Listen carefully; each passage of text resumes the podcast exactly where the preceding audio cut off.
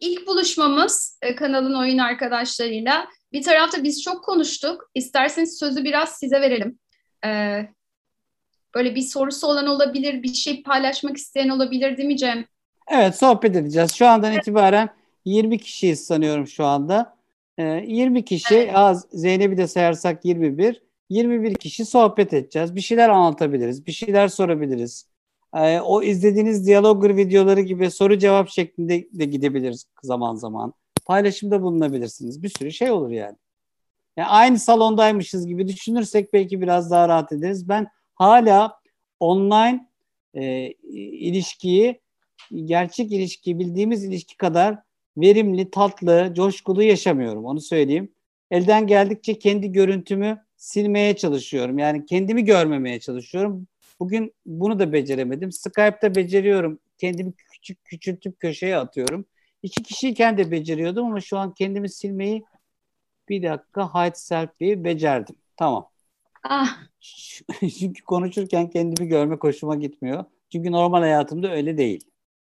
Bu zamana kadar Diyalogger'da neler hissettiniz, evet. neler yaşadınız, neyi sevdiniz, evet. neyi sevmediniz onlar da iyi bir başlangıç olabilir. Oyun arkadaşı konuşmak isterim aslında ama Tabii buyurun. Uygunsa. Herkese iyi akşamlar. Öncelikle böyle suç ortaklarımla, oyun arkadaşlarımla buluşmuş gibi hissediyorum. Hani tanışmıyoruz. Bir tek e, Cem'in videolarını izliyorum ama sanki böyle e, bir grubun içerisindeyim. Müthiş bir aidiyet duygusuyla burada bulunuyorum ve akşamımı çok mutlu hissetmemi sağladınız. Öncelikle hepinize çok teşekkür ediyorum. Hani e, kendim gibi hisseden insanları, Cem'i seven insanları görmek çok hoşuma gitti. Cem sana çok teşekkür ederim. Yani gerçekten videoları inanılmaz sabırsızlıkla bekliyorum. Çok sevdiğim bir dostumla sohbet ediyormuşum Aa, gibi bir hisse güzel. kapıldığım evet, için hani böyle benim için çoğunlukla şey oluyor.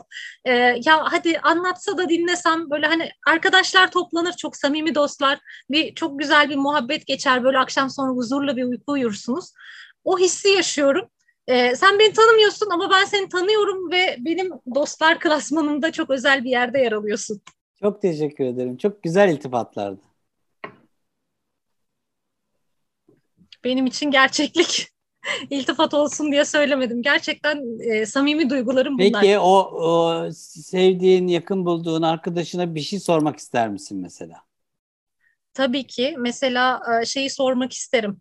Bu psikolojik rahatsızlıklarda ya da işte bunalım anlarında vesairelerde e, biraz şey gibi bir hisse kapılmaya başladım. Hani hep e, işte psikoloğa, psikiyatra e, hastalar, gerçek hastalar değil hastaların hasta ettiği insanlar gider gibi bir e, yaygın inanış var. E, ben birazcık daha ruhumuzun e, yaşadığımız toplum içerisindeki anlayışsızlıklar, sevgisizlikler ve insanların birbirlerine verdikleri aslında ruhsal zararlardan kaynaklandığını düşünüyorum. E, biri birine tokat attığı zaman biz bunu hani suç diyoruz, adam yaralama diyoruz vesaire diyoruz hani bir şekilde. E, ama öbür taraftan birbirimizin ruhuna her gün e, iş yerlerinde, işte toplu taşımalarda, şurada burada hunharca zarar veriyoruz. E, bundan belki korunmak ya da bunu bu konuda toplumun birbiriyle olan ilişkisinde bilinçlenmeyi sağlamak için ne gerekir sence? Valla çok yaralı olduğum bir yerden girdin. Ee, e, böyle çağdaş psikiyatri, çağdaş psikoloji insanı biyo, psikososyal bir yapı olarak tarif ediyor. Bu ne demek? Yani e, Ecem değil mi ismin? Evet Ecem. Şimdi Ecem'in bir biyolojisi var. Mesela Ecem'in tiroid fonksiyonları iyi çalışmıyor. Evet. Ve, Total triyodöktümü geçirdim bu arada. ben benim böyle rastlantılarım olur. Şimdi eğer kişi e, e, sen gene de total triyodöktümü geçirmek demek bütün tiroid bezi alındı demek arkadaşlar. Hepsi. Sonu ektomiyle bitiyor. Total diyor. Hepsini aldırmışlar. Almış. Ee, Şimdi eğer aldırdıysa artık vücudunda tiroid fonksiyonu yok. Yani tiroid hormonu yok demek. Bunun için ne yapıyor e, Ecem? Her gün tiroid preparatı almak zorunda. Değil mi Ecem? Evet her sabah Levotron. Her gün Levotron alıyor. Şimdi bir de bunun bilmediğini düşün. Yani tiroid fonksiyonlarının yetersiz olduğunu bilmeyen bir kişi. Hipotiroidisi var. Ama mesela Yıllarca terapiden geçebilir bu kişi. Birçok şeyine de faydası olabilir ama o tiroid hormonunu yerine koymadığın müddetçe o kişi hala depresif, yorgun, cildi çok kuru, saçları dökülen, halsizlikten ölen, mutsuzluktan ölen çok sıkıntılı biri olur. Çünkü bilmiyor ki tiroid fonksiyonu düşük. Şimdi bu işin biyolojik tarafı. Demek ki bir kişiye bakarken burayı bilmek ve görmek zorundayız. Çünkü insan aynı zamanda bir biyolojiden oluşuyor. İki, bir psikolojiden oluşuyor. Yani ruhsal bir çatısı var. Ruhsal bir yapısı var. Bireysel tarihi var. Rüyaları var, düşleri var, bilinç dışı var. O koskocaman alan da önümüzde. Bir de bu var. Bir de sosyal kısmı var. Şimdi yani ve incindim trafikte, demenin, bu bana iyi gelmiyor, ben burada iyi hissetmiyorum demenin, ay sen de çok zayıfsın, çok kırılgansın falan diye aşağılandığı bir evrende yaşıyoruz gibi hissediyorum. Ve bu gerçekten hani ihtiyaçlarım var, susadım dediğim için nasıl suçlanmıyorsam, incindim dediğim için de suçlanmıyor olmayı hayal ediyorum ama bu çok büyük bir beklenti midir yoksa hani Yok toplum mu normal ben mi normal o orayı kadar bilemedim. insani ve o kadar sıradan bir beklenti ki ama yapabileceğimiz tek şey biz bizeyken en azından birbirimizle bunu yapabilmek. Etrafımızdaki yakın çevreyi bunu söyleyebilmek kudretimizin ve gücümüzün ve duyulduğumuz insanları seçmek. Yani en azından bunu yapabiliyorum ben mesela. Kendimi böyle böyle koruyorum. Yani bunu bunu söylediğimde beni duymayan biriyle çok yakın olamayabilirim. Yani hı hı. Ben Ecem'e şunu söyleyebilmeliyim. Ecem ya bu yaptığım beni çok öfkelendirdi. Ecem de bana ben de şuna sana çok öfkelendim. incindim, kırıldım. Ecem ya güvenim sarsıldı. Kendimi değersiz hissediyorum seninle olduğumda diyebiliyorsa bizim burada konuşacağımız ve çözeceğimiz çok şey var. Ya başka da bir dilim yok yani. Bunları söyleyeceğiz. İşin o sosyal tarafının çok zorlu olduğu bir dönemden geçiyoruz. Yani benim geçenlerde bir e, röportaj sırasında şu, bir gazeteci hanımefendi dedi ki yani sizin yıllar içinde çalıştığınız, beraber yol aldığınız arkadaşlarınız işte danışan diyoruz ama ben sevmiyorum. Yani onlar danışan veya hasta değiller. İşte onların hepsinin ismi var yani. Ahmet, Ayşe, Mehmet. Yani ne yalan söyleyeyim ben annemi, babamı, kardeşlerimi onlar kadar tanımıyorum. Çok yakın bir ilişki o. Yani bundan evvel insanlar iç dünyalarını, sevgililerini, aşklarını, çocukluklarını, travmalarını, korkularını, anksiyetelerini, kaygılarını, güvensizliklerini, yeme alışkanlıklarını, cinsellikle ilgili meselelerini paylaşırlardı. Ben son zamanlarda insanlar bayağı gündem getiriyor seansa. Çünkü gündem affedersiniz ama kıçımıza girmiş durumda yani. Yani onsuz hareket edemiyoruz. Yani Ülkenin şimdi, genelinde bir post travmatik stres bozukluğu yaşanıyor olabilir mi? Hepimizin belki de farkında olmadığı işte ya Covid'den, post, orman post, yangınlarından post, Bence post değil bu. Daha travma devam ediyor çünkü. Postuna bile gelemiyoruz ki bir, bir sağaltalım kendimizi. Bitmeksizin bir şey. Nur işte tıp fakültesinde okuyorsun değil mi Nur? Şimdi Nur'u Nur'u ben bir kere nerede tanıştık Nur biz? Bar psikoloğunun ha, etkinliğinde. Ha, hayatımda bir kere tanıştım. Gencecik işte tıp fakültesi pırıl pırıl balerin falan dansçı birisi değil mi Nur? Doğru hatırlıyorum ha. Şimdi Nur gibi birisi geliyor. Nur'la görüşmüyoruz ama yani bir kere tanıdığım için ondan örnek veriyorum sadece. Nur gibi birisi geliyor abi. Nur'un bana sevgilisiyle derdini anlatması lazım ya. Annesiyle anlatması lazım tıp fakültesindeki hocasıyla belki patoloji dersindeki sorunlarıyla belki düşleriyle abi Nur geliyor bana ülke gündemi anlatıyor. Burada bir, bir sorun var. Bu, bu travma post falan değil içindeyiz. Devam ediyor. Yani kronik bir şekilde yaralarımızı sarmaksızın üstüne gelen bir şeyden bahsediyorum. Peki sonrasında kaybettiğimiz değerler yerine gelecek mi? Yani bazı normal karşıladığımız, kaybettiğimiz etik değerler vesaireler bu post travmatik stres bozukluğu iyileştiğinde düzelecek mi? Ya da ne kadar bir süreyi alacak? Alacak mı? Üzerine çalışabilirsek, üzerine konuşabilirsek, acımızı anlatabilirsek. Bak şöyle anlatayım mı? Mesela çocuk doğar ve 15 yaşına kadar her gün dayak yemiş. Tamam Her gün. O çocukla sen 25 yaşında terapide karşılaştığında bile şöyle zannediyor. Diyor ki zaten bütün çocuklar her gün dayak yemez mi? Yani çok üst üste gelen e, paternler bir süre sonra kişi tarafından normalleştirilir. Ya sizin çocukluğunuzda öyle olmuyor mu? Sizin anneniz böyle demez miydi diyor. Sizin babanız böyle yapmaz mıydı diyor. O kadar anormal bir şeyden bahsediyor ki aslında. Şimdi biz neredeyse bu hale tahammül edebilmek için aynı zamanda da aslında normalize etmeye başladık. Çığlık da yasak, itiraz da yasak. Benim motorumda ne var? Bir araba kullanıyorsun Ecem. Ne kullanırsın abi? Bak söyleyeyim sana. Direksiyon. Direksiyon neye yarar? Sağa dönmek, sola dönmek değil mi? Bir tane gazım var. Hızlanmak istiyorsam. Ona göre bir, bir vitesim var. Devrimi ayarlamak için. Geri vites diye bir şey var. Geri gitmek için. Frenim var durmak için. Yani benim yürürüm için bunlar lazım hayatta. Şimdi ben bunların hiçbirini yapamıyorum ki. Reddedemiyorum. Talep edemiyorum. itiraz edemiyorum. Sağa dönemiyorum. Sola dönemiyorum. Geri vitese takamıyorum. Bir arabanın içinde korkutucu biçimde de gitmeye devam ediyorum. Üstelik bunu da ifade de edemiyorum. Bu bir süre sonra normalleşiyor. Yani en kötüsü de bu. Desensitize oluyoruz. Yerine ne geliyor? Belki hoyratça davranabileceğin kişilere hoyratça davranmaya başlıyor kişiler. Yani genel bir hoyratlık var. Bu hoyratlık aslında biriken öfkenin ve duyguların sindirebildiğine yapıyor.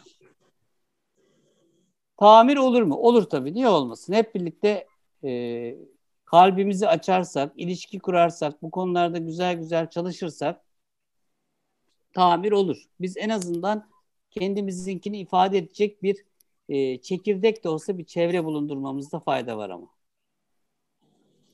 Yani kucağına yatabildiğin, ağlayabildiğin, öfkeni ifade edebildiğin, çok çaresiz hissediyorum diyebildiğin birileri varsa yanımızda gene de çok iyi. Ben işte o kaybolmuşluğun içinde yuvarlanıyordum bu duygunun içinde.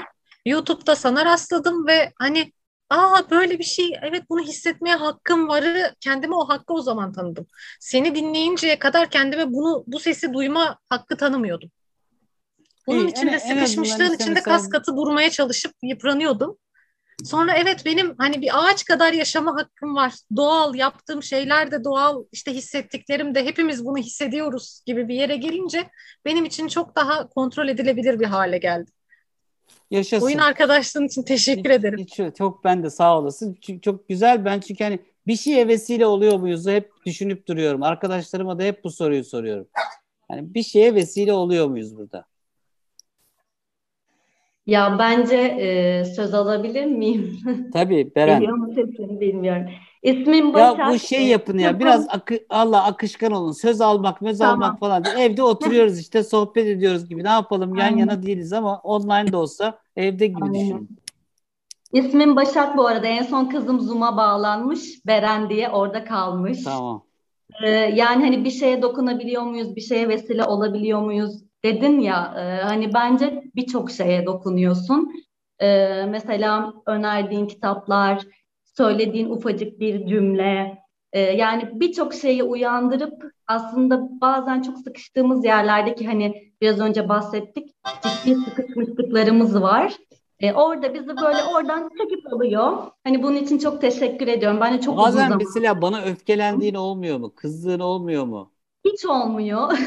Hiç olmuyor çünkü aslında şöyle kendime çok yakın bulduğum bir e, tarafta olduğun için aa ben aslında doğru yapıyormuşumu bana e, hatırlatıyor.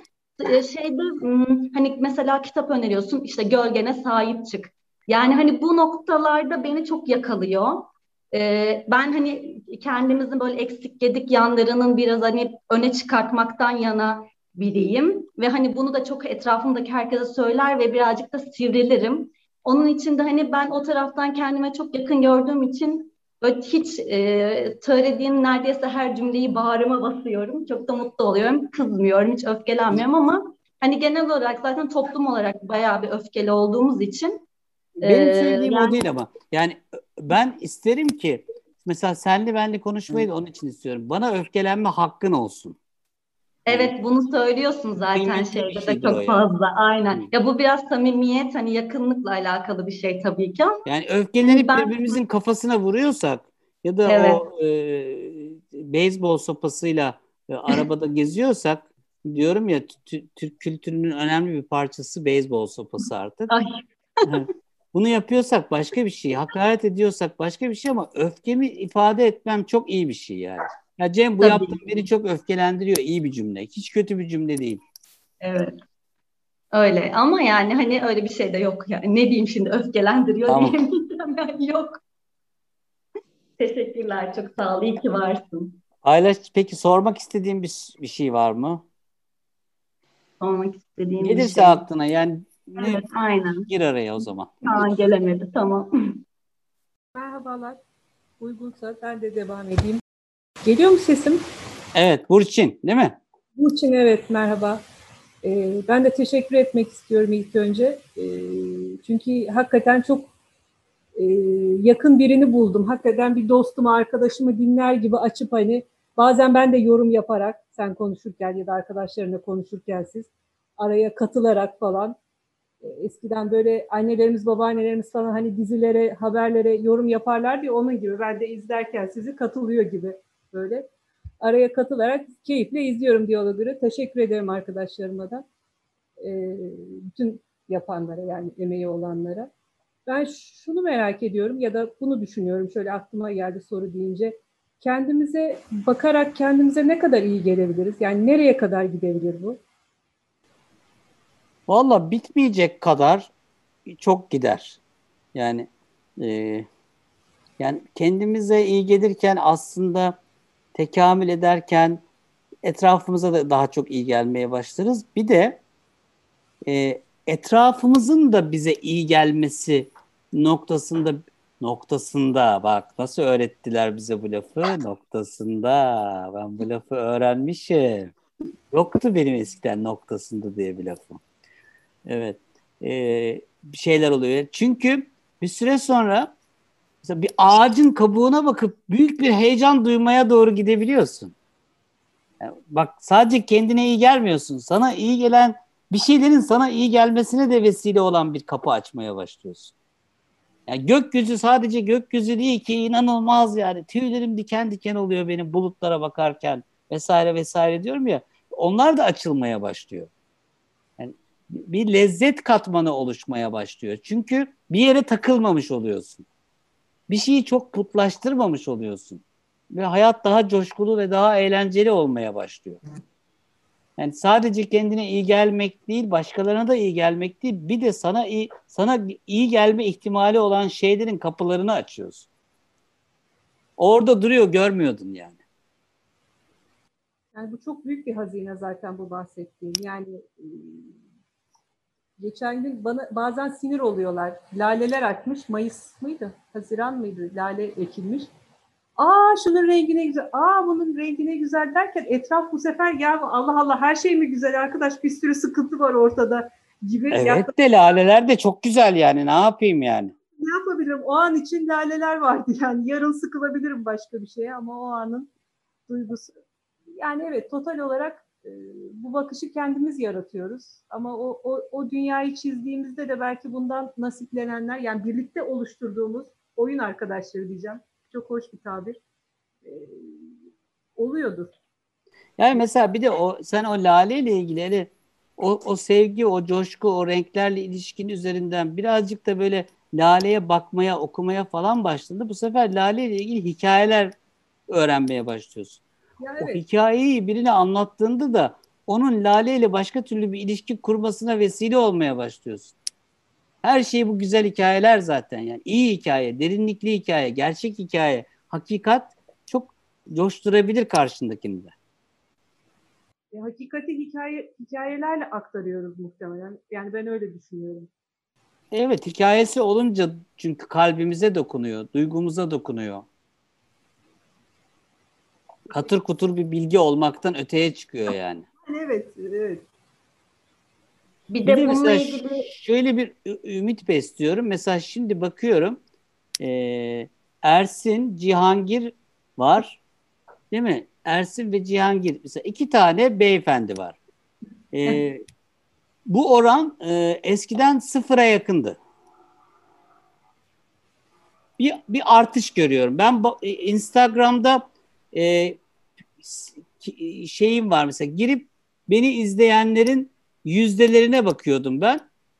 Bir bakıyorum abi yüzde 95 kadın, yüzde 5 erkek. Orkid miyim lan ben? Yani niye sadece kadınlar izliyor beni? Yani niye kadınlar, niye kadınlar diye baktığımda şunu görüyordum. Çünkü derinleşmeye, işte kendine bakmaya, dönüşmeye, hikaye dinlemeye, bir şeyleri değiştirmeye dönük şeylerin hepsini genellikle kadınlar yapıyor. Yani biz erkekler biliyorsunuz tamamlanmış doğuyoruz ya. Mehmet Kara var bir de bak aşağıda. Bak onun, Mehmet'in yüzünü görmediğim için özür dilerim Mehmet. Yavaş yavaş ben daha derinlikli ya bir dakika bizim de e, yani pipimiz var diye tamamlanmış gibi hissetmeyelim. Merhaba Mehmet. Şimdi doğduğumuzda öyle ya erkek tamam falan diye bir doğuyoruz herhalde. Öyle zannediyoruz yani. Biraz artış var. Mesela bu umut verici. Yani derinlikli meselelere bakan erkek sayısında bir artış olduğunu düşünmeye başladım. Burada bir fikrimi söyleyebilir miyim Tabii ben? Tabii Derya. Ee, şimdi belki benim fikrime katılmayacaksındır. Belki de oradaki birçok insan katılmayacaktır ama bu benim gözlemim. Ee, şimdi biz kadınlar böyle biraz e, telaşlı, koşturan, işte e, çok heyecanlanan, çok sinirlenen yani böyle bütün duyguları böyle çok çok çok çok yoğun e, yaşayan yani daha erkeklere göre.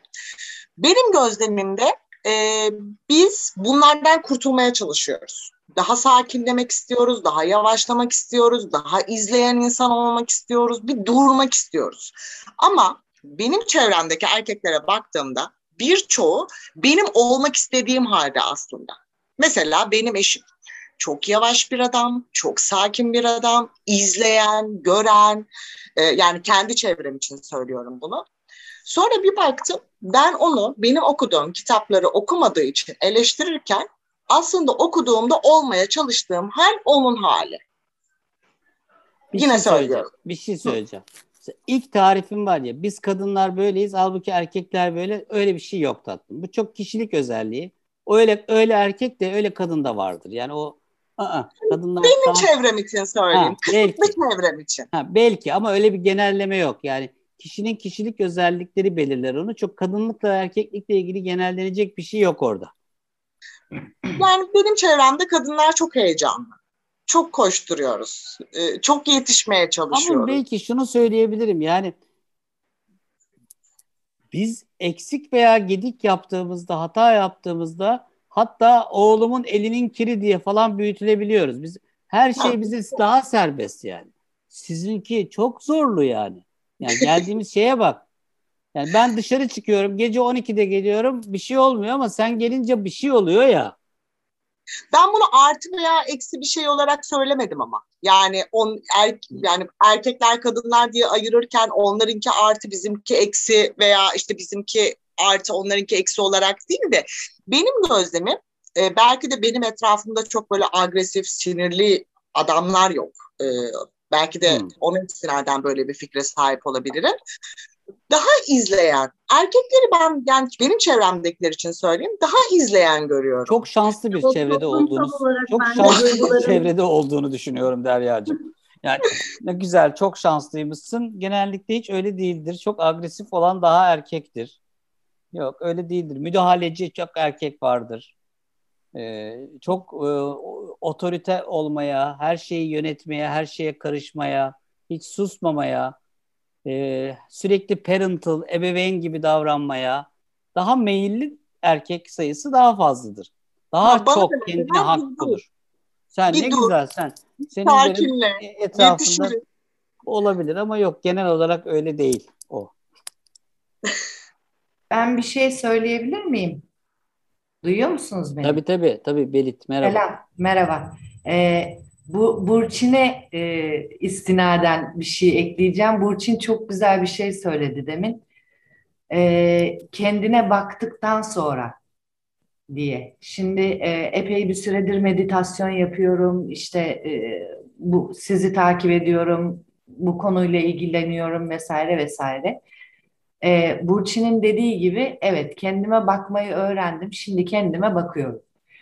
Ve e, orada e, baktığımda bir şey gördüm.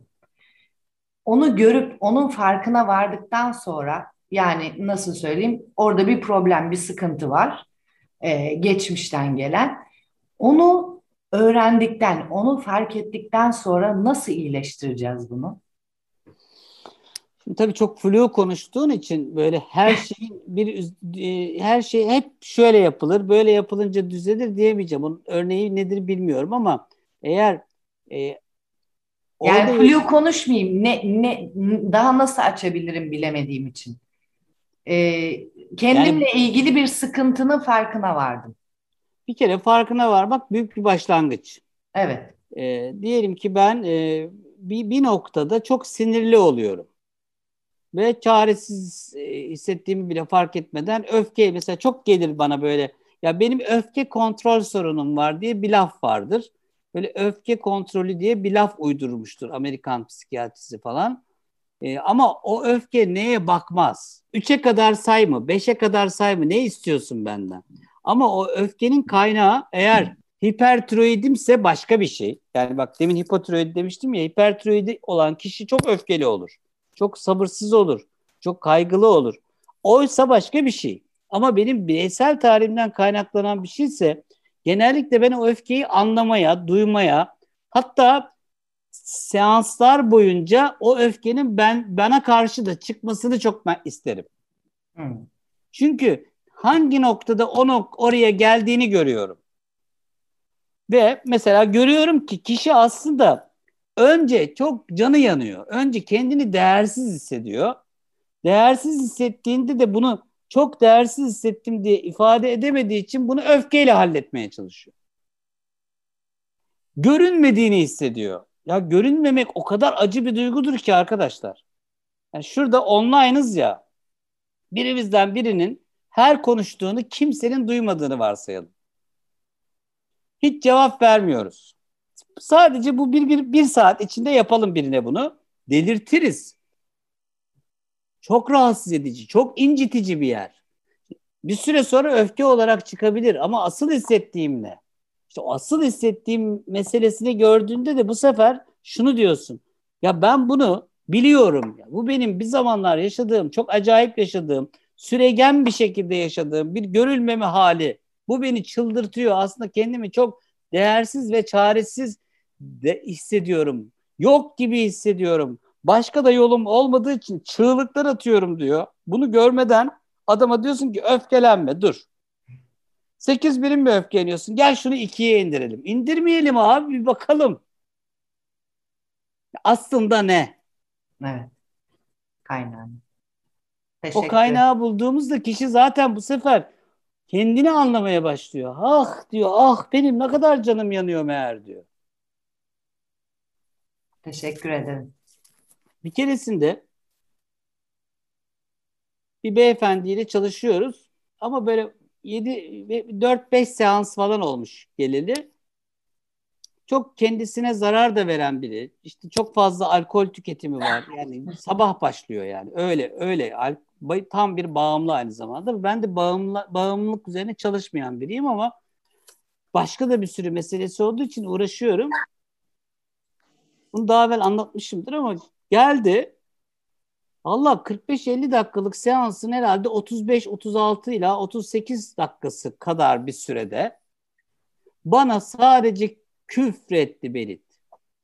Ama var ya ne küfürler, ne hakaretler, ne neler neler. Yani var ya yani böyle yani öf öf her konuda yani. Oradan giriyor oraya çıkıyor. Oradan giriyor oraya çıkıyor. Ne orospu çocukluğum kaldı, ne sahtekarlığım kaldı, ne bileyim yani. Hiçbir şey kalmadı yani. Ben de son derece sessiz, sakin bir şekilde onu dinliyorum.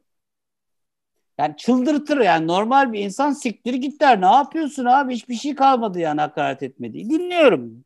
Duymaya çalışıyorum. Neyi duymaya çalışıyorum? Bana ettiği küfrü mü? hakareti mi yoksa şu anki durumunu anlamaya çalışmak. Sonra abi artık yoruldu. Testili çıktı ve susmak durumunda kaldığında ona bir soru sordum. Beraberce ağlamaya başladık. Bir tek soru sordum. O şuydu. ismini uyduracağım tabii doğal olarak. Ali dedim. Bu hafta sana iyi gelmeye çalışan kaç kişiye bunun aynısını yaptın dedim. Ve ağlamaya başladık. Ondan sonra çok şey değişti hayatımızda. Ama şimdi onu duyarken sadece küfrü ve hakareti duyarsan aslında kendi narsistik meselenle meşgulsündür. Öyle fayda veremez. Teşekkürler. Sağ ol.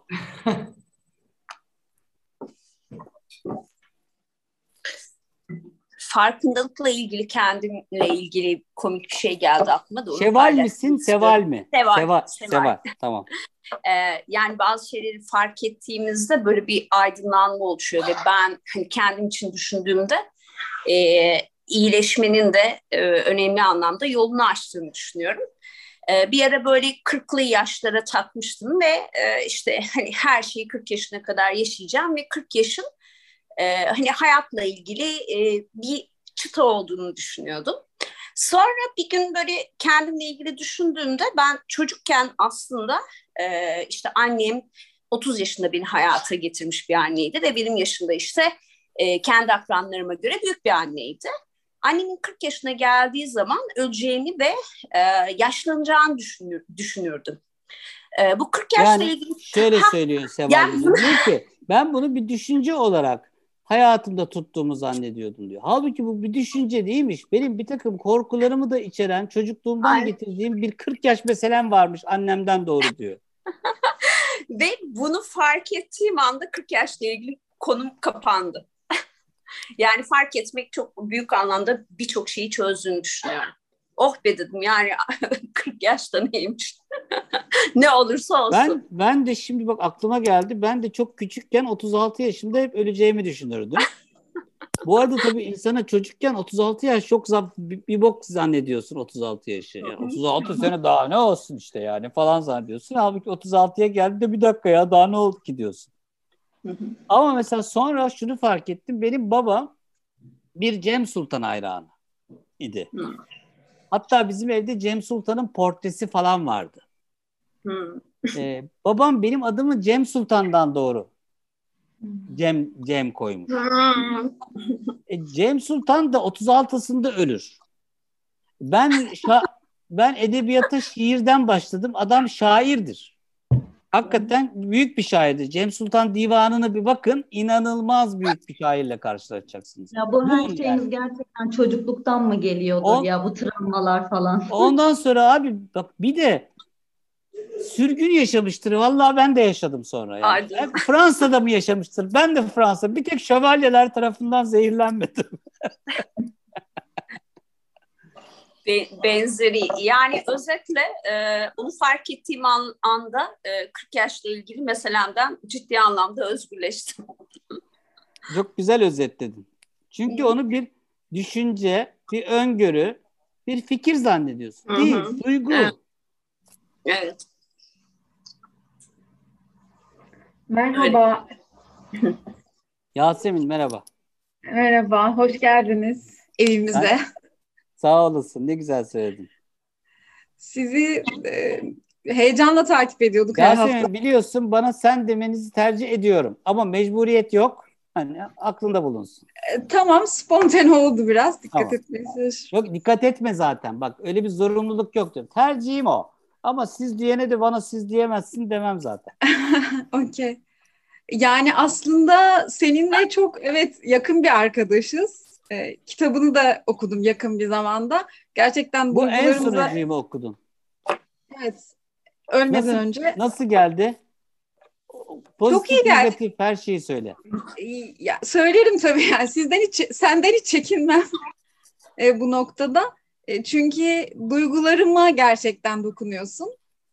E, kelimelerin kelimelerin çok e, güzel dokunuyor. Yani o kelimeler etkiliyor beni. Kelimeleri sevdiğim için e, gerçekten onları manalı onların manasını sizin duygularınızla dinlemek ayrıyeten hoş oluyor. Yani o bir katman açıyorsunuz gerçekten. İnşallah. İnşallah Şimdi öyle. bunu bunu kendi adıma değil oyun arkadaşlarım adına da söyledim. Ee, burada olmayan oyun arkadaşlarım da var. Onlarla kritiğini bile yapıyoruz yani. Nerede oturuyorsun? E, Ben Sakarya'dayım şu an. Sakarya'dasın.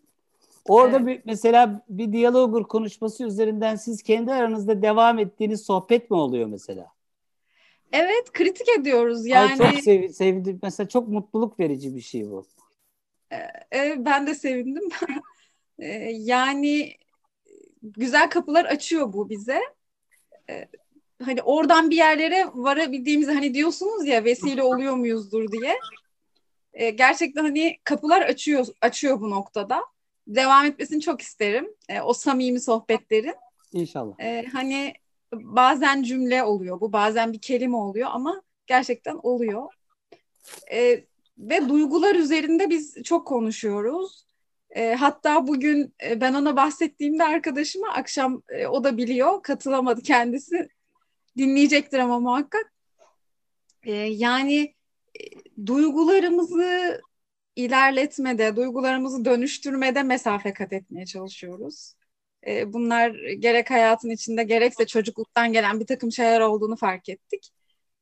E, Ama burada hani şeyi de düşünüyoruz sizinle alakalı ama e, acaba yani siz bu otan senin bir otantizmin var bize göre. Sağ olasın. E, Hepimizin var o aslında. E, var Onun ama senin or o, o, onun olmadığı aslında insan yok. Yeter ki onunla buluşalım.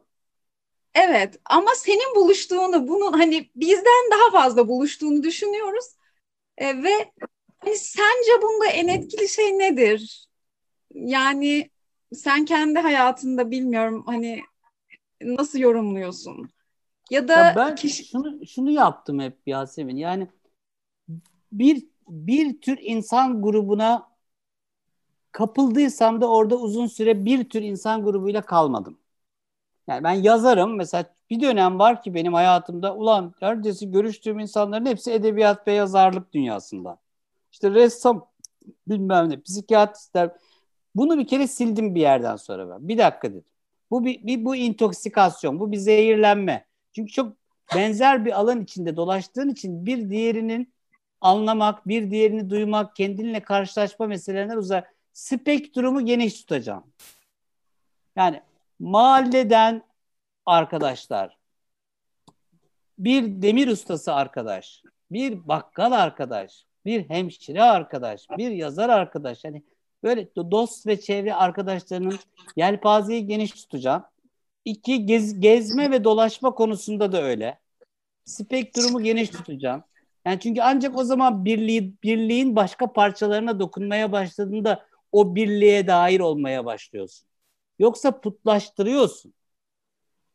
Yani herkes eğer senin etrafında bilmem ne sitesinden villa almaya kalkıyorsa o o kadar büyük bir konu oluyor ki her gün bu konuşuluyor. Sonra bu villalar alınıyor. Bu sefer o villanın önündeki bahçenin büyüklüğünün bilmem nesi. Öyle saçma sapan bir zehir ki o. Onu sen bir önem sırası olarak yukarı koymaya başlıyorsun. Zehir, zehir. Yani elimden geldiğince onun için farklı kaynaklar, bana benzemeyenler, benim zorlanacağım kitaplar, benim bilmediğim başka alanlar, başka bilgiler, başka insanlar, başka mekanlar, başka coğrafyalar bunu, bunu, bunu bunun için özel özel olarak çok uğraştığımı ve bundan çok büyük bir zevk almaya başladığımı. Şimdilerde aşırı zevk alıyorum bundan. Ama ilk zamanlar zorlandım. Bu sefer zorlandığına bakıyorsun çünkü Yasemin. Ben burada neye zorlandım? Çünkü senin içinde bulunduğun o dar çerçevenin doğruları ve yanlışları var. Ben Bakırköy Akıl Hastanesi'nde ihtisasa başladığımda 22 buçuk yaşında mı neydim? Öyle bir şeyim sanıyorum. Ya da 23'tür. Ya yani çok kısa süre içinde benim doğru yanlış, ahlaklı ahlaksız vesaire gibi kalıplarımın çoğunun çok zehir olduğunu fark ettim. Normalle anormali o kadar kavi sınırlarla ayırıyormuşum ki ben. Öyle değil ki. Çok kolay yargılamak. Çok kolay birisi için kötü şeyler düşünmek ve söylemek. Değil ama öyle çalışmıyor.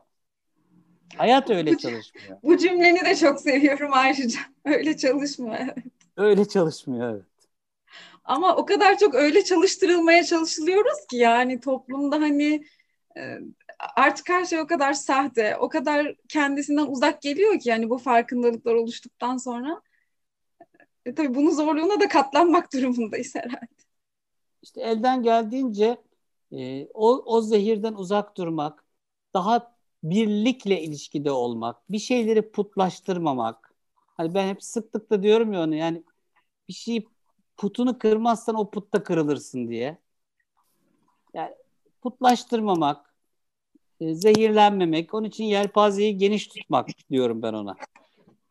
Teşekkür ederim. Otantiklikle ilgili bu e, şey mükemmelliyetçilik batağı da insanı otantizmden çok uzaklaştıran Ne bir şey. Mesela ben kendimde onu çok fark ettim. Sürekli kendimden her şeyin en mükemmelini yapmayı bekliyormuşum. Ne zaman ki senin otantik tanımınla karşılaştım ve bir ağaçtan fazlasını neden yapmaya çalışıyorsun ki? Hani doğalında yap bakalım ne ortaya çıkacak merakım. Mükemmelliyetçilik arzumu yendi ve şu an yaşamdan inanılmaz başka bir lezzet alıyorum. Aa şimdi bu nasıl olacak? Hani nasıl mükemmel oluru düşünmek yerine bu yolculuğun sonu nereye çıkacağı düşünmek çok daha lezzetli bir yaşamı çok güzel merak açtı. merak veriyor insana o. Merak çok güzel abi. Sorular soruyorsun, anlamaya çalışıyorsun. Ee, hani biraz yaşımız geçtikçe galiba bu yargılamamamız gerektiğini anlıyoruz başımıza geldikçe. Küçükken çünkü daha fazla çok bir şey yaşamadığımız için çok anlayamıyoruz. Hani daha çok eleştiriyoruz, Orada neyi yargılayıp neyi yargılamayacağımızı toplamaya başlıyoruz. Hatta bu nedenle kendimizi de çok yargılar hale geliyoruz. Aynen, aynen öyle. Engin Gençtan'ın çok sevdiğim kitabında bir cümlesi vardı. Onu da hep böyle Allah rahmet kendime eylesin. çok hatır, evet, kendime çok hatırlatırım. Ee, hayat bir kere yaşandığı için yargılanamaz. Yani kimsenin hayatı gerçekten de yargılanamaz. Çünkü sadece bir kez yaşıyoruz ve e, başımıza hangi koşullarla neyin geleceğini hiçbir zaman kestiremiyoruz.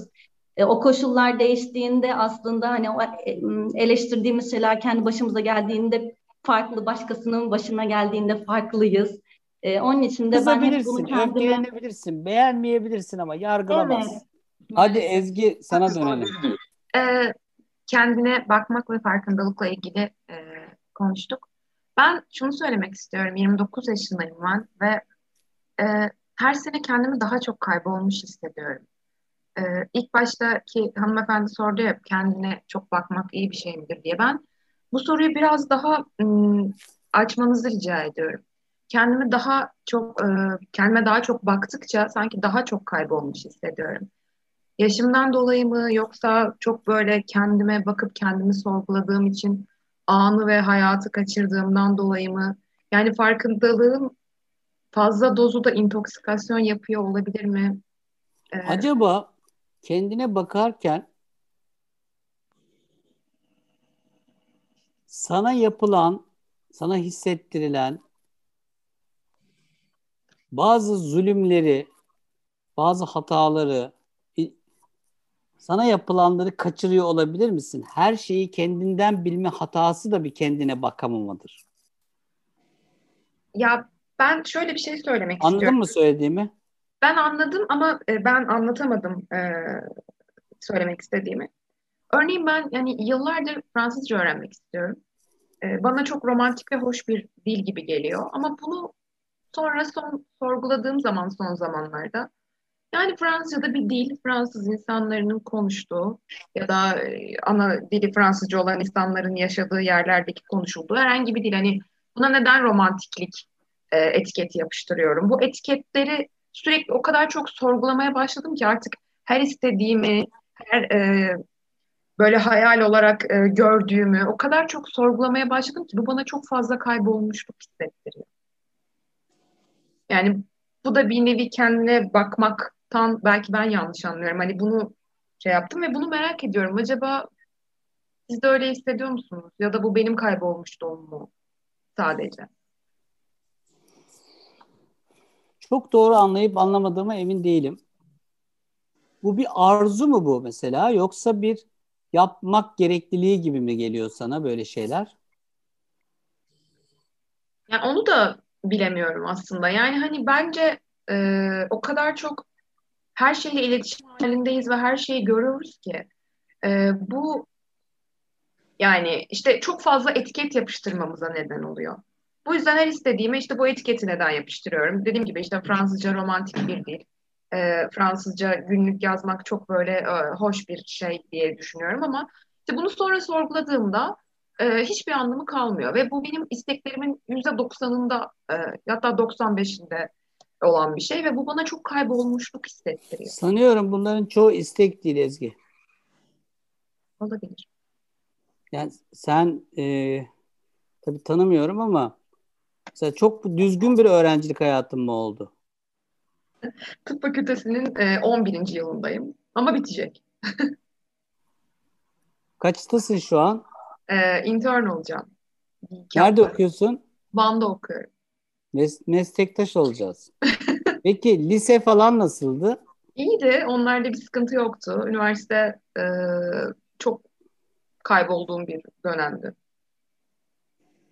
Yani başarısız bir öğrenci olarak nitelendiririm kendimi sorunuzun cevabına göre. Ondan evvel Ya ondan evvel orta düzey bir öğrenci olarak nitelendiririm herhalde. şuna bak. Mesela ben tıp fakültesi okuduğumda bitirdim. Fakat e, asıl böyle en büyük uğraş alanım edebiyat. E, tıp fakültesinde de hiç öyle başarısız falan da olmadım. Hiç kalmadım ama sevdim de. E, hatta böyle artık herkes benim beyin cerrahı olacağımı düşünüyor. Çünkü büyük e, miktarda beyin cerrahisinde çalıştım. Ya ben internken bile bayağı beyin açan, kafa açan falan bir heriftim yani. yani kelimenin tam anlamıyla kafa açmıştım. Böyle şeyler yapabiliyorduk. Ee, e, abilerimiz sayesinde biraz da. Ama sonra kendimi e, çuvala tıkılmış gibi hissettim. O nedenle de dedim ki ben herhalde doktorluk yapamayacağım. Fakat sonra psikiyatriyi görünce psikiyatri bana çuvaldaki delik gibi gelmişti. Kafamı oradan çıkardım. Acaba senin Fransızca'da aradığın romantizm ne? Karşılığı ne? Aslında hayatındaki neyi dolduracak da Fransızca üzerinden tarif ediyorsun bunu. Biraz sanki böyle baksak daha az kayboluruz ve buluruz gibi geldi. Ben son olarak şunu söyleyeceğim. Ee, ben de sizin gibi çok hissettim ve ben de bu arada ameliyathaneyi çok seviyorum, aşığım ama aynen sizin gibi hissettim ve ben de e, o başını çıkarma olayını sanat tarihinde buldum. Ha. Sanat tarihiyle çok fazla ilgileniyorum ve e, pratisyen bir hekim olarak kalıp bundan sonra sanat yani meslek hayatımda hep sanat tarihiyle ilgilenmeyi düşünüyorum. Okey yani çünkü demek ki ana damarında böyle bir şey var. Bu, bununla buluşman gerekecek demek ki yani. O Fransızca da onun içine girebilir, sanat tarihi de girebilir. Etiket değil o bence. Senin duy- duygunun aktığı bir yeri tarif ediyor muhtemelen. Ama bir şekilde o duygunun aktığı yeri de kendi kendine etiket diye koyup sonra da değersizleştirdin farkında mısın? Underestimate ettin. Hayır farkında değilim. Değersizleştirdin. Değerini soğurdun. O senin Evet. arzunsa siktir et yani değerini. Boş ver. Sen arzuna doğru yürü. O da bir değil ama falan deme yani. Seviyorsan yürü. Evet hakikaten Baudelaire okumak, Rimbaud okumak, Fransızcasını okusam yani deliririm herhalde yani. Az buçuk anlıyorum. Buna rağmen beni çok heyecanlandırıyor. Osmanlıca'da da var o tat biliyorum. Yani hiç buraları etiketliyorum diye değersizleştirme. Arzun o senin. Arzuna giden yoldaki parçalardan biri olasılıkla. Teşekkür ediyorum Cem. Sağ ol. Sağ ol Ezgi. Ee, şimdi Cem minik bir araya gireyim mi? Tabii. Sohbet çok tatlı gidiyor ama biz e, süremizi doldurduk gibi. Evet biliyorum farkındayım. Evet, sürenin sonuna geldik. E, Sohbet de çok güzeldi. E, yani ne yapalım, kapatalım mı? E, böyle bir son bir soru daha almak ister misin? 22.43 olduk. Cihangir, Ersin abi bir sesinizi duysaydık ya. Ben sorabilirim isterseniz. Tamam. Ee, herkese merhaba. Merhaba. Cem'in ilk Kendine Bakma kitabıyla tanımıştım onu. İstiklal'de geçiyordum. Tanımıyordum da Cem'i. Ama o kitap bir şekilde yani önüme düştü. Arkasını okudum çok etkilenmiştim. Sonra bazı sayfalarını okurken gerçekten çok zorlandım. Bazen bıraktım, bazen geri aldım ama Açsana onu. Nasıl bir zorlanma? nasıl bir zorlanma? Yani aslında olduğumu düşündüğüm kişiden daha farklı bir kişi olduğumu hissettim yazdıklarından. Ha, bir tür yüzleşmeler yaşadım. Evet, yani. yüzleşme. Tam olarak yüzleşme. Ee, bununla birlikte mesela ilk başta şey demiştim, bana kızdığın oluyor mu? Seni bazen Instagram'dan takibi bıraktım. Çok zor geldi Ha. ama şu an takipteyim. İnsan dönem dönem o senin e, yüzleşme yazılarınla birlikte zorlanabiliyor. Ama onlar gerçekten çok büyüten şeyler. Şimdi okuyamadığım yazılarını okuduğumda mesela çok daha fazla şey alıyorum, keyif alıyorum. Her şeyin bir zamanı var diye düşünüyorum belki de. E, ama gerçekten benim hayatımda çok çok önemli görüşlerini dikkate aldığım bir insansın. Onun için çok Allah teşekkür ederim. Çok teşekkür ederim. Onun dışında bir şey demiştin, onu belki biraz açmanı e, rica edebilirim. Kendinle sen arasında boşluklar bırakma demiştin. Bu boşluklar bir noktada problem yaratır. Belki bunu biraz açabilir misin? Bilmiyorum süremiz buna yeterli olacak mı? Tabii uzun bir konu bu. Hatta bunu isterseniz mesela bir bir, bir sonraki diyalogda direkt bunu buna dalabiliriz. Nerede kalmıştık diyerek to be continued. Vallahi yapalım bunu yani. Kendinle sen arasındaki o en son e, e, hatta tekrar paylaştım herhalde onu. Onu onu bayağı bir bir gündem yapalım. Ersin'e cevap da olsun. Pekala, çok teşekkür ederim. Ersin Cihangir bir ses Cihangir bir sesini duymak istiyorum niyeyse. Bir merhaba de sesini duyayım. Merhaba. Merhaba canım. Nasılsın? Teşekkür ederim. İyiyim. Tamam. Nasılsın? Mehmet nereye gitti? Kara? erken çıkması gerekiyormuş. Chatbox'tan e, yazdı. E, telefonunda şey bitiyormuş. Şarjı bitiyormuş. Ama bay bay dedi Tamam. Nur Nur bir şey diyordu sanki. Evet, bir şey sor yani e, hiç böyle konuşmadan giderse buna üzülürüm. O kadar böyle hani birilerini anlatırken burada hiçbir olumlu bir şey söylememek beni gerçekten üzer. Em, az önce o tıp fakültesinden olan arkadaşımız bir şey deyince dedim ki yani bu da tam açtı şu an. Bunu söyle söylememek daha kötü. Em, ben tıp fakültesine geldiğimde gerçekten hayatım e, mahvoldu. Yani tıp fakültesine girmemle mahvoldu. Hiç kafamdaki bir, gibi olmadı gerçekten. Yani gümledim, fena gümledim.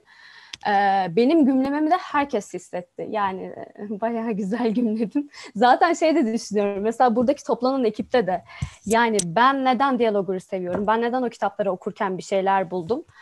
Yani yine hisseden insanların hissettiklerini paylaşması, kendini hiç böyle bir gizleme gereği duymadan paylaşması beni gerçekten çok etkiliyor. Böyle bir ruh halinde olunca da fazla hissederek, başkalarının hislerini de hissederek, boyumdan büyük şeyler hissederek en sonunda bende patladı. Tıp fakültesiyle de patladı çünkü hiç hayatımda görmediğim kadar stresliydi o okul zamanı. Ee, ve dedim ki ya ben psikiyatriyi beklemeden bir psikiyatri hastanesine düşeyim. Gerçekten bitirdin öyle mi bir şimdi şey Nur? oldu. Hayır bitirmedim. Şu an stajyerim. Kaçtasın? Yani Dört, hastanede beş. yattım. Ha, Evet. yattın. iyi yapmışsın. Evet, evet, evet. Hastanede yattım bayağı bu hasta akrabalarıyla böyle şey olduk hani onların Nerede çocukları oldu falan. Ankara'da isim vereyim mi? Şimdi YouTube ama onların reklamını yapmak istemiyorum. Özel hastane mi? Evet evet Ankara'da zaten bir tane var hani. Sürekli Ha. her yerden oraya geliyorlar. Neyse orası da benim için korkunç bir deneyimdi. Çünkü orası gerçekten yani hayat dersi gibi bir şey herhalde bilmiyorum. Kendi açımdan değil orada, orada konuştuğum herkes ve her aileyle beraber öyle bir dünya var oldu.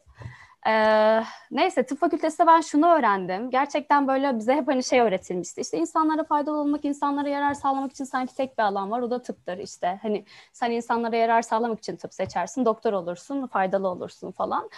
Tıp fakültesine gelince orada tanıdığım insanlarla şunu fark ettim. Evet çoğu kişi bu niyetle gelmiş belki. Ama bu çoğu kişi şu an yaşarken hani öğrencilik hayatında bundan çok uzak. Yani hani paylaşmayı hiç bilmeyen insan diyor ki ben ileride mezun olduğumda insanlara fayda sağlayacağım. Onlar İşte onlar bir şey sonra daha da ağlıyorsun. uzak olacaklar. Aa, Merak etme. E, ha, bunları gördükçe zaten bu şey bende böyle bir "Ih, demek ki değilmiş öyle. Hani bunlar bunlar ne yapıyor? Hani böyle şey yapıyorum böyle sokaktaki insan daha insancıl davranır falan.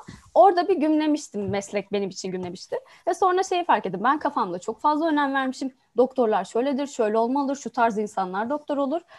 aa yok herhangi bir meslekte severek yapan, e, karşında seni gördüğünde mutlu olan herkes bana aa bu çok iyi herhalde ya meslekte de çok iyi. Bu insan ne kadar iyi bir insan ne hissettiriyor ve ben hangi meslekte olursam olayım karşımdakinin hayatına saygı duyduğumda ben ona fayda sağlayabilirim. Yani tıptan çok öte bir şey var yani uyduruk bir bölüm seçseydim ne demek ki bunu yapabilirmişim mi gördüm. Onu önemsizleştirince zaten hastanelik sorunların hepsi puf dedi uçtu.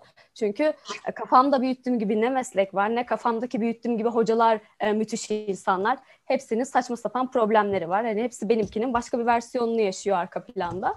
Böyle görünce e, ne hocanın bir bağırışı beni çok etkiler ne birinin azarlaması beni çok etkiler. E, her şey çok kolaylaştı. Ama bunun için evet gerçekten de o hastanede yatmam gerekti. Yani ondan öncesinde bu kadar kolay olamadı. Ee, şu anda da aslında benim sormak istediğim şey şuydu. Ben şimdi bu kadar e, tıptan ve bu hastane süreçlerinden yaralı olunca tüm tıp bir oluyor. Tıp birinci sınıftayken aynı şeyleri yaşayanlar karşıma çıkıyor. İki oluyor, aa diyorum tamam bunları benim gibi düşmeden kurtarabiliriz. Çünkü çok büyük bir balon var orada, tıp balonu. Hocalar da yapıyor. Düşük not alanı işte fıt fıt fıt tahtaya yazıyor. Hani bununla bir konuşalım olayı oluyor. Hani kötü bir niyetle yapmıyorlar. Tahtaya mı yazıyor? Artık üniversitelerde ilkokula dönmüş maşallah. Ya aslında oradaki niyeti şey hani çocuklar sonrasında zorlanmayın. Hani bir toparlayalım modu ama tabii ki tahta yazılanın tuvalette ağladığını görüyorum. Şimdi o, o da A, demek ki ben düşük not alırsam ee, yani acaba çok da iyi bir insan değil miyim falan. Tabii o ilk başlarda böyle bir şey böyle bir denklem gibi bir şey yaptım herhalde. Bunların hepsi zaten uçtu gitti. Şu anda da e, benim böyle sanki misyonum insanları daha az suçlu hissettirmek. Yani çünkü diyorum ya ben hani en paylaşılmayacak hallerimi herkes ifşa oldu. Yani tüm okul duydu, tüm her şey duydu falan ve bundan hiç böyle bir Aa bunu kullanırlar, şu insanlar şöyle konuşur. Hiç umurumda değil. Çok insanca bir şey yaşadım. O hastanedeki insanları gördüm. Ee, yani hani utanmıyorum. Ve bana yaklaşan durumlardaki insanlarla da gerçekten hani böyle yalnız kalmadan, o duygularla yalnız kalmadan, o kadar iğrenç hissetmeden yani daha az suçlu hissederek gitsin, daha az kötü hissederek gitsin. Hani kötü hissedecek zaten, hani bari daha az olsun modunda böyle yakaladıklarımı ki zaten şu an çok karşıma çıkıyor. Herkes ben bu kadar paylaştıkça daha da rahat insanca bana yazabiliyorlar. Ee, bu YouTube'daki yayınları da çok fazla kişiye ben yolladım gerçekten. Çünkü herkes artık böyle tık tık tık konuşamıyorum. Bir şunu dinle, bir de şuradan duy, bir şunu oku falan hani farklı bir şeyler açar sana. O bakımdan bana gerçekten o YouTube yayınları e, çok büyük bir destek oldu. Birçok insana da destek olduğunu düşünüyorum. Biz bunun hakkında da konuşuyoruz bu arada. Yani düşünen, konuşan az bir insan var ama birinci videodan itibaren şurada şuna vuruldum, orada ona vuruldum. O bir şey anlatıyor, ben bir şey anlatıyorum Aa. falan. Gerçekten güzel bir şey var. Benim sadece o yayınlarda görmediğim, şu an beni en çok etkileyen böyle sanki insanlar böyle geçmişin acılarını birbirinden çıkarıyormuş gibi böyle bir cinsellik dayatmasını hissediyorum ben böyle çevremdeki kız arkadaşlarımdan duyduğum, erkeklerden duydum. Hani şu an sanki evet geçmişte çok üstü kapalı yaşanıyordu. Şu anda da herkes e, tam kafasındaki gibi, tam istediği şekilde, istediği zamanda hani karşındakinin hisleri, duyguları, e, kendiyle olan bağı veya kendini keşfedip keşfetmemiş olmasının da önemi yok. Bir ilişkin varsa cinsellik olmalı. Bu da e, onun istediği kadar ve istediği zamanda olmalı. Bu sefer de bu baskıyı hissediyorum. Yani tüm benim... Sana bir tane yazımı önerebilir miyim? Hı hı. Kendine bakma kitabında özgürlük insanı boğabilir mi diye bir yazım var. Hı. Onu bir okusana. Hatta okuduktan sonra yaz bana yani. Instagram'dan takipleşiyoruz diye hatırlıyorum. Değil mi? Ha, yaz bana. Onu bir yaz. Ee, çok önemli bir şey konuşuyorsun. Ee, Mehmet bunu da bir ara konuşalım. Bu önemli bir konu. Yani not aldım, not aldım Victorian bile. dönemde e, romantizm daha e, izinli ama cinsellik yasaklı. Şimdi de cinsellik çok e, kolay, romantizm adeta cool değil. Hı hı. Yani ya, hatta yani böyle e, bunları mesele etmek, biriyle sevişmeyi arzu etmemek, romantizmi beklemek gibi bir şey sanki e, yeterince gelişmemiş, yeterince modern olmamış, cool olmayan bir şeymiş gibi ele alınıyor. Ha işte kezban diyor, loser diyor, ezik diyor, bir şey diyor ama burada başka bir baskı var yani. Yani bu, bunu bunu bir konuşalım. Sen de o yazıyı bir oku ama. Evet yani ben şu an yine şey hissediyorum. Yani bir taraf yine yanlış yanlış kılınıyor.